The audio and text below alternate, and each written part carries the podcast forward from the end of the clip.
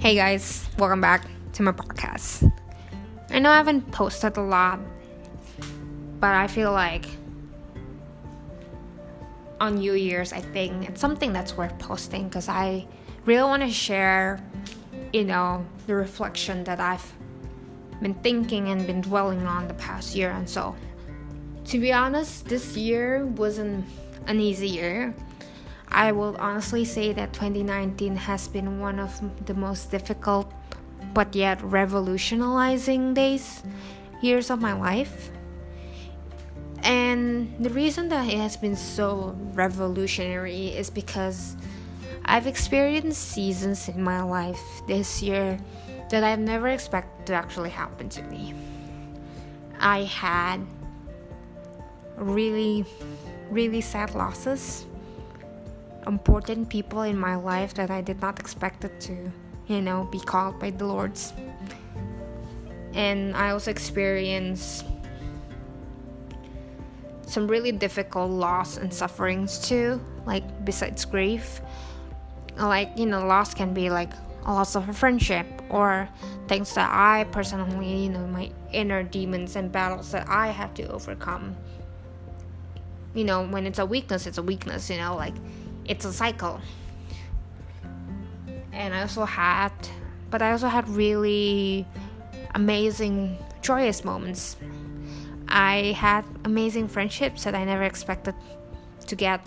I met amazing women, or I had, I, I had, I knew these people already, but it seems like 2019 was the year that God really strengthened the friendship and made me know these people a lot more. And they turned out to be especially these five women in my life, they turned out to be one of the most influential human beings in my life. And the reason why I would say they will, were the, one of the most influential human beings in my life is growing up, I always felt insecure. I always felt like I am not beautiful enough. I don't have to like look on the beauty standards of Asia or America turns out. I don't have the perfect body, I don't have the perfect hair, I I don't have the perfect anything. And I always felt like it was not enough. I remember seeing my face and seeing my scars and always being ashamed about it. And it's still a continuous battle for me because, you know, it's always changing my lens on how I see myself, seeing myself as not what society defines me. And these five women have taught me to really see me on how God sees me as this beautiful daughter of Christ, you know, that you are more than what your, the society say, and it's okay.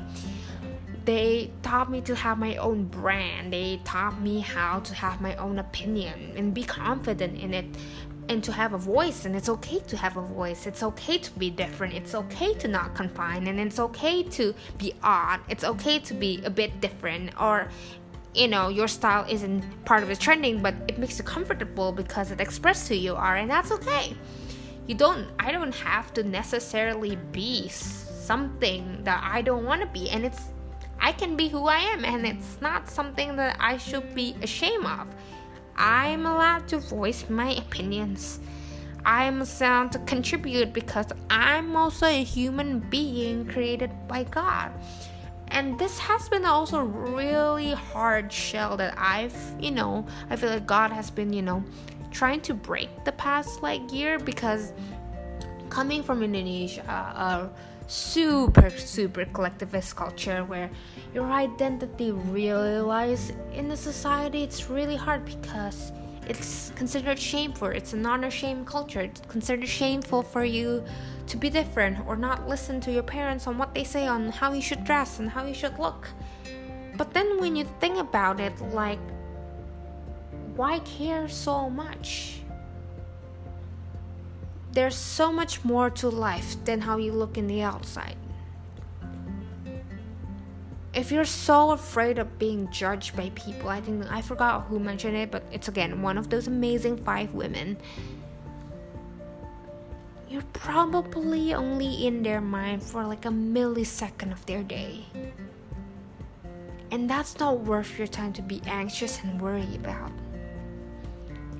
And God sees me as this amazing, beautiful woman. I'm not saying to this to be prideful, but He created me for a reason He created me for a purpose to educate, to love, to have community, and to spread the gospel in every aspect of my life. And so you're beautiful, you know, you are who you are, and you should not be afraid of that.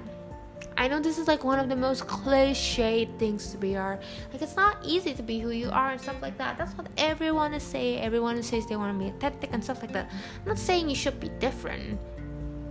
I just say you should just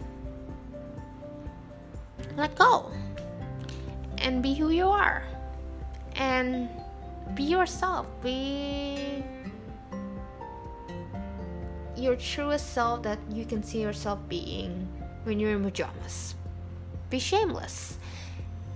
And that's really hard because being shameless is also be, mean being confident. And if you have a bunch of physical appearances, insecurities, that's really hard to do. And these five women has taught me day by day, constantly. Again, uh, these are words that these women has always. I feel like God has used these people to really shows show God's love and the beauty. And they and also through amazing people, especially friends that I made to, through college, God has showed His continued faithfulness. And so, like with this crazy season with life and with all the things that has happened, I mean, like I had to let go a lot of things.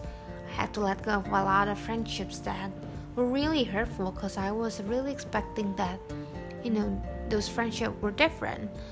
But turns out there's some things that are, you know, beyond our ex- expectations, and that's okay. Because our expectations should be light on Jesus.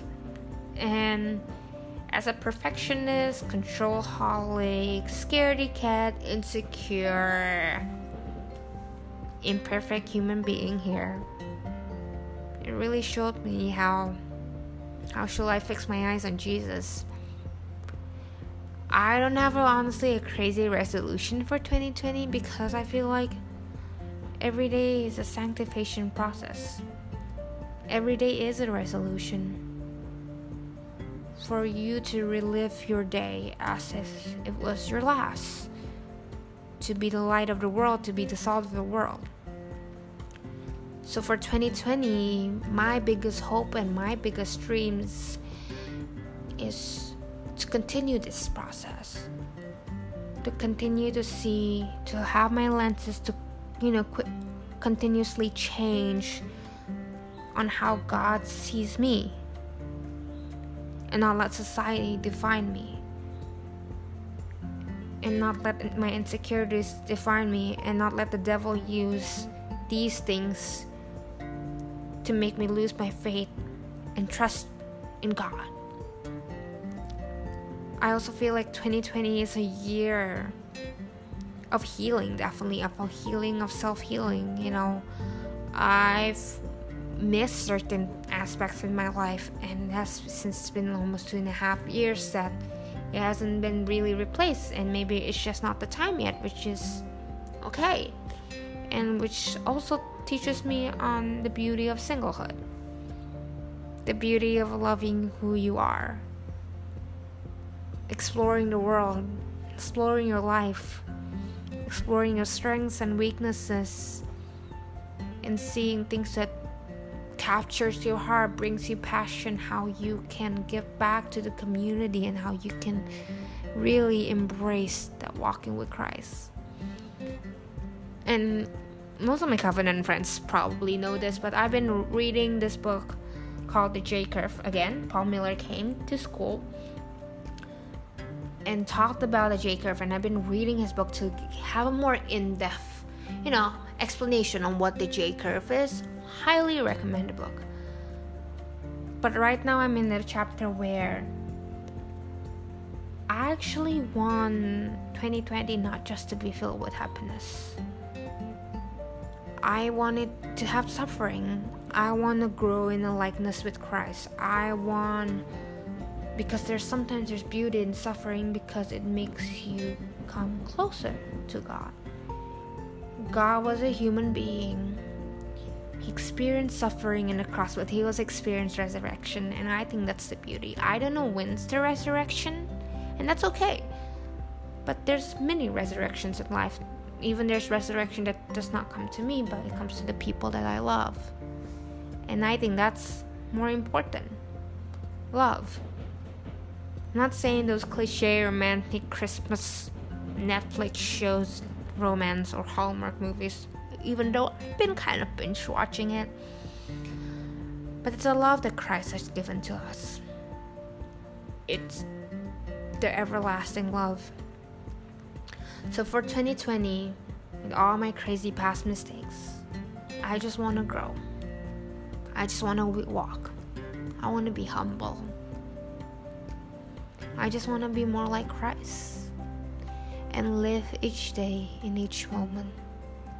Not trying to control a week ahead, a far ahead, and all that stuff. But live each day and how God is present and fixing my eyes on Him.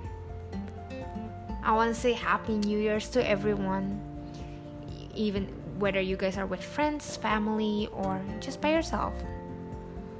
But you know, life is beautiful. It's weird, it's crazy, it's annoying, and 2020 is gonna be the same. With different stories, different spices, but in a way that it's gonna make us grow. It's gonna make us learn. If we let our hearts be open with it, if we are willing to open our heart, our mind, and our soul. Merry Christmas and Happy New Year to everyone. And I hope 2020 will be a year that is unexpected.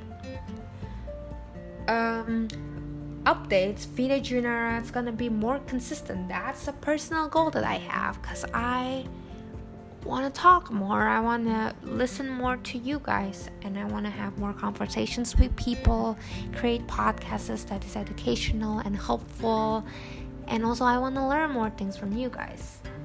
And so I hope you guys will love it because our first episode for 2020 is gonna be lit. Yes, I've been hanging out with some kind of people all the time, but it's okay. They're amazing people, but their vocabulary are getting a bit to my head. And the first episode of 2020 is called Who is You? I'm super excited talking about you and your self identity and stuff like that, all the crazy stuff. And I think it's a great way to start 2020. Bye, guys.